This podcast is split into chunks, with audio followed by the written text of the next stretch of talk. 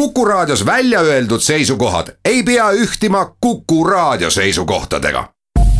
Te kuulate Kuku Raadiot.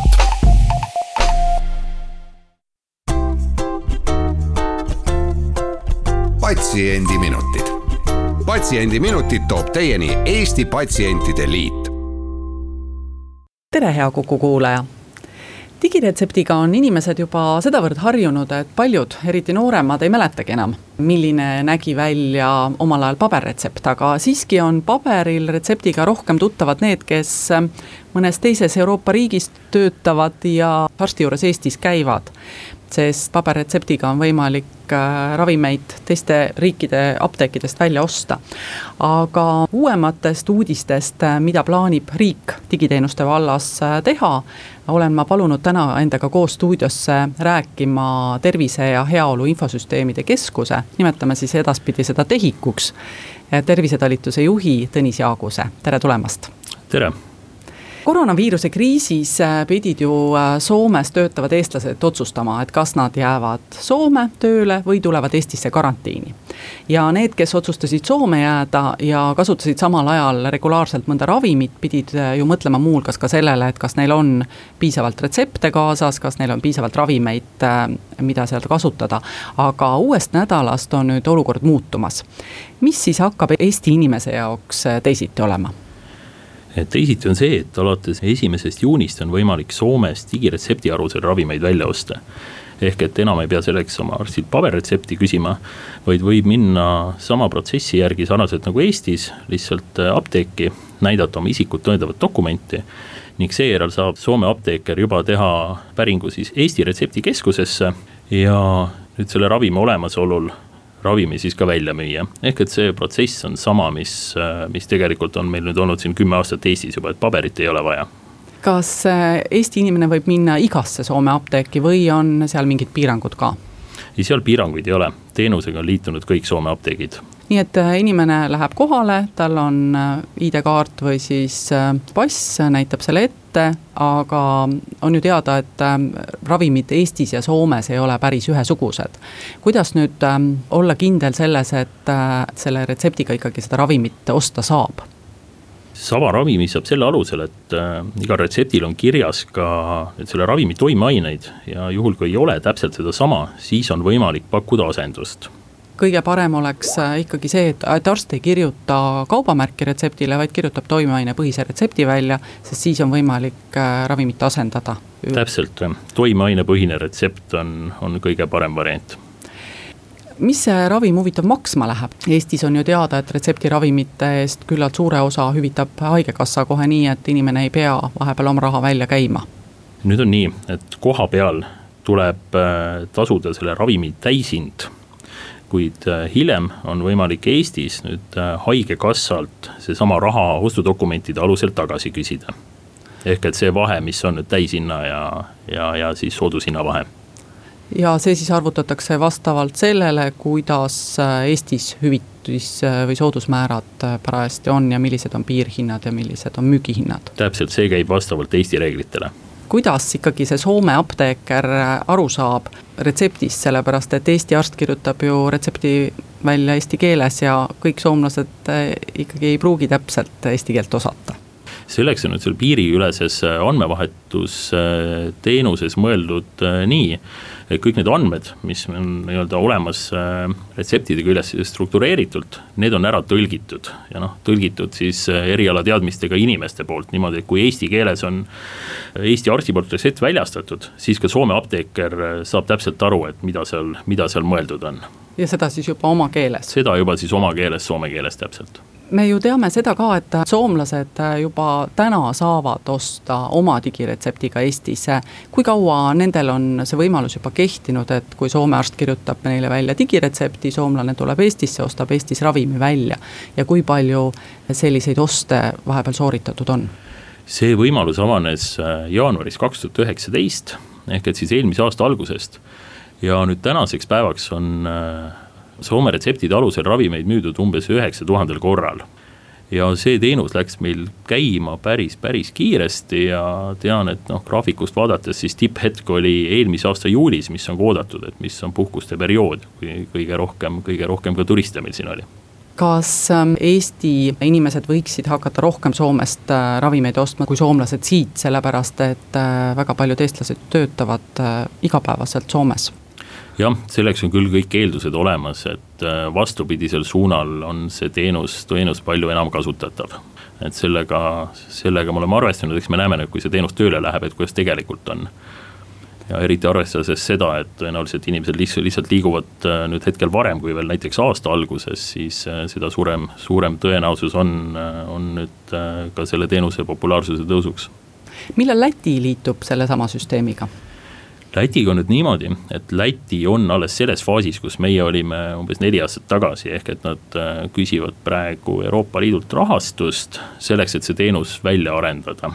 Siin ikkagi me peame täna rääkima suurusjärgus äh, tõenäoliselt nagu aastast-kahest vähemalt aga on äkki mõni teine riik, kellega te plaani peate, et eestlased võiksid võib-olla mõnest teisest riigist saada tulevikus retseptiravimeid välja osta digiretseptiga ja,? jah, täpselt, et ja kaks lähimat riiki, mis siin on nüüd äh, tulemas, on meil äh, Horvaatia ja Portugal, et nendega on see teenuse käivitamine täna, täna täiesti lõppfaasis ja siia võib ka lisaks öelda, et nii nagu soomlased on saanud Eestist osta alates äh, eelmise aasta jaanuarist, siis selle aasta märtsist alates on võimalik äh, Horvaatia kodanikel Eestis, äh, Eestis seda retsepti osta kas mõni Horvaatia kodanik on ka päriselt Eestis ravimeid välja ostmas käinud? ja, ja päriselt palusin just mõni hetk tagasi ka selle järgi, järgi vaadata ja ega tegelikult ei ole.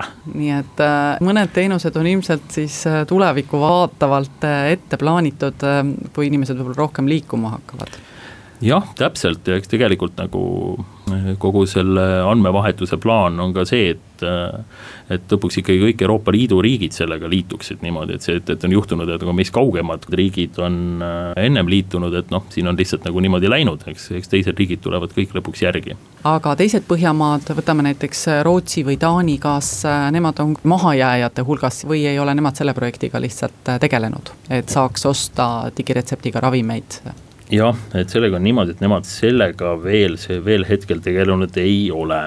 Samuti on digiretseptiga liitumas ka Leedu, kui me ikkagi räägime meie lähenevatest äh, riikidest ja, ja tema, tema on ikkagi Lätist, Lätist veel eespool niimoodi, et tema tuleb kindlasti varem. Selge, aga teeme siinkohal jutu sisse väikese pausi, peatselt oleme tagasi, nii et jääge meiega. patsiendiminutid patsiendiminutid toob teieni Eesti Patsientide Liit. stuudios on Tõnis Jaagus ja Kadri Tammepuu me räägime täna uutest e-teenustest ja siin uue nädala alguses, nagu me saate esimeses pooles kuulsime, on võimalus Eesti inimestel digiretseptiga ehk siis ilma paberretseptita edaspidi Soomes äh, retseptiravimeid välja osta. no pidime tõdema, et äh, ilmselt see ikkagi väga paljusid inimesi ei puuduta mingid teised teenused äh, tervishoius on märksa populaarsemad. kui me räägime näiteks eriarstile digiregistratuuri kaudu visiidi aja panemisest. meenutame natukene kuulajale, millal digiregistratuur, äh, just nimelt üleriigiline digiregistratuur Eestis startis startis äh, jällegi jaanuaris kaks tuhat üheksateist, siis digiregistratuuriga liitus esimene haigla, milleks oli Põhja-Eesti Regionaalhaigla ja temaga läks see teenus kenasti käima ning ülejäänud haiglad lisandusid siis kaks tuhat üheksateist suve jooksul. niimoodi, et järgmine oli mai lõpus Ida-Viru Keskhaigla ja sealt riburada pidi tulid kõik teised äh, siis suuremad sellist kaheksateist haiglavõrgu arengukava haiglat järgi. niimoodi, et äh, üheksanda augusti seisuga oli nagu meie eesmärk täidetud ja kõik olid oma vabad ajad äh, üleriigilises digiregistratuuris siis kättesaadavaks teinud täna on ju selline olukord, et äh, erinevaid kliinikuid on seal palju rohkem kui kaheksateist, on ka mitmed erakliinikud kui palju siis üldse erinevaid äh, raviasutusi kokku on, kellede arstide visiidiaegu saab äh, broneerida? jah, tänaseks on neid juba kuuekümne ringis ning neid on pidevalt liitumas, sest tegelikult raviasutused on avastanud, et see on nagu hea kanal ikkagi, kus äh, ennast nähtavaks teha ja oma teenuseid pakkuda.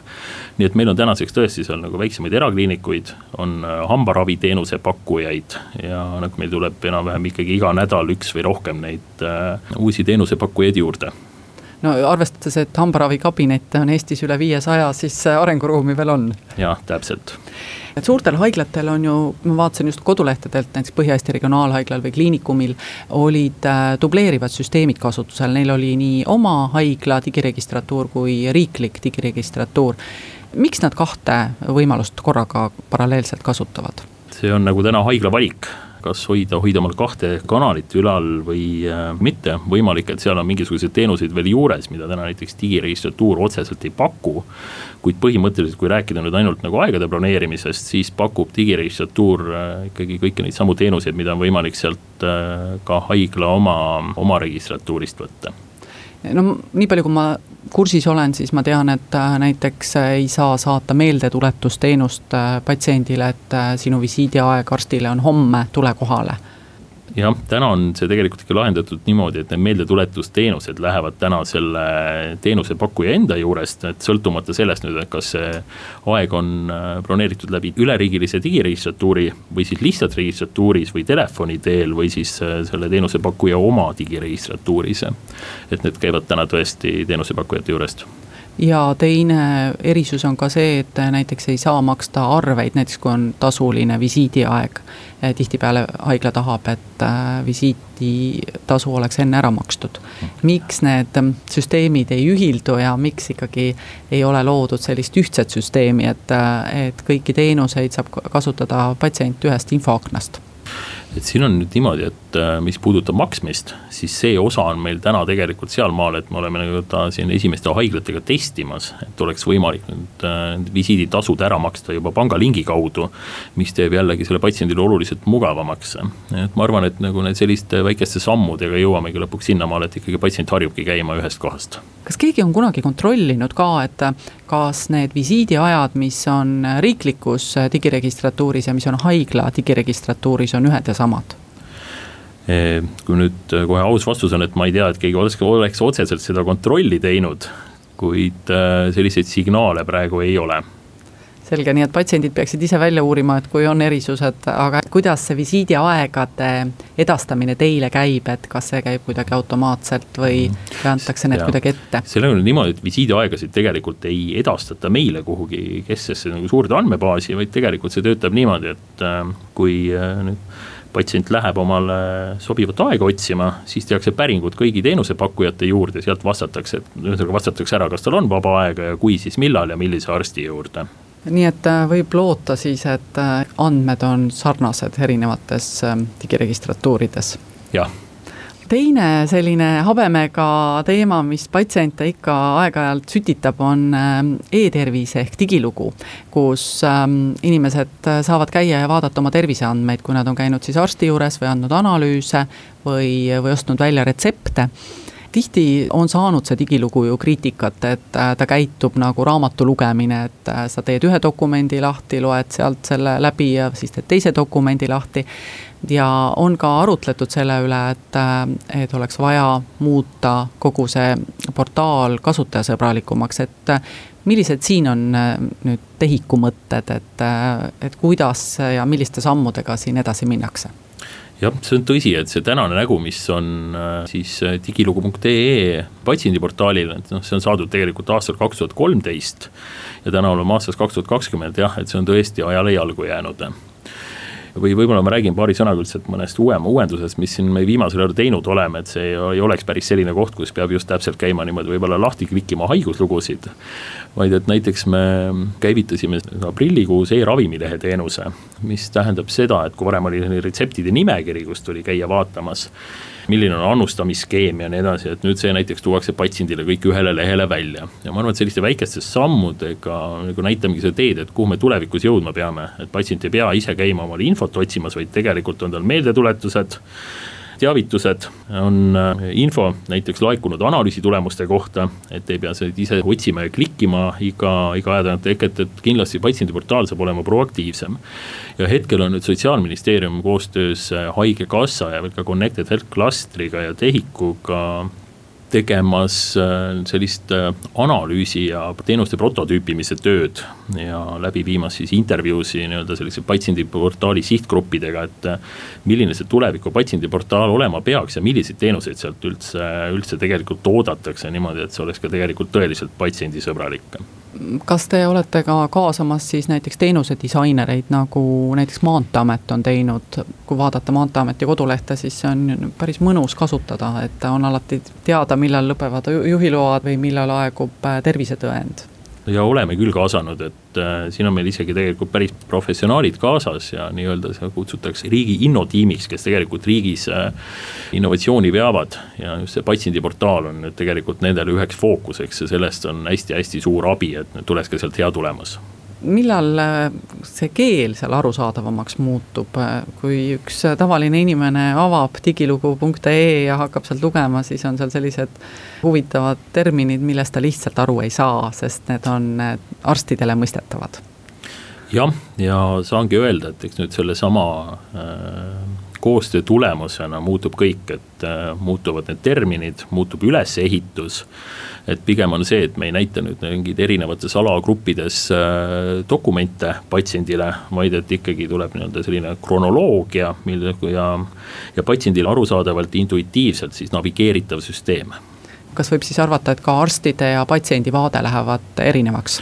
seda küll jah, sellepärast et äh, olen ka seda meelt, et tegelikult patsiendid ei pea aru saama, et mis on ambulatoorne epikriis ja kas see on kuidagi kiirabiga seotud, et jah, nii ta kipub olema, aga millal siis inimesed võiksid oodata ja loota, et äh, tehes ähm, lahti digilugu.ee portaali, sealt vaatab vastu selline arusaadav, ilus eesti keel?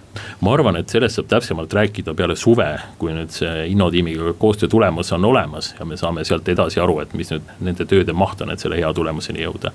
küll aga on üks äh, väiksem asi et mis teeb ka patsiendiportaali nii-öelda sissesaamise lihtsamaks, et paari nädala pärast on meil olemas äh, Smart ID-ga sisse logimisvõimalus. et iseenesest lihtne asi, kuid annab väga-väga paljudele kasutajatele nüüd äh, võimaluse selge, no jääme siis lootma, et äh, kui teil on plaanid tehtud, siis ikkagi kaasatakse ka rohkem kasutajaid, kes saavad anda tagasisidet ja, ja projekti jaoks leitakse ka siis lõpuks raha, et kõik need head ideed ellu viia.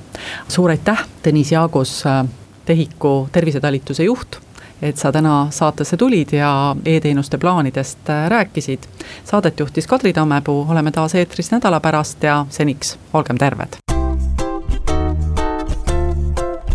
Patsiendiminutid, Patsiendiminutid toob teieni Eesti Patsientide Liit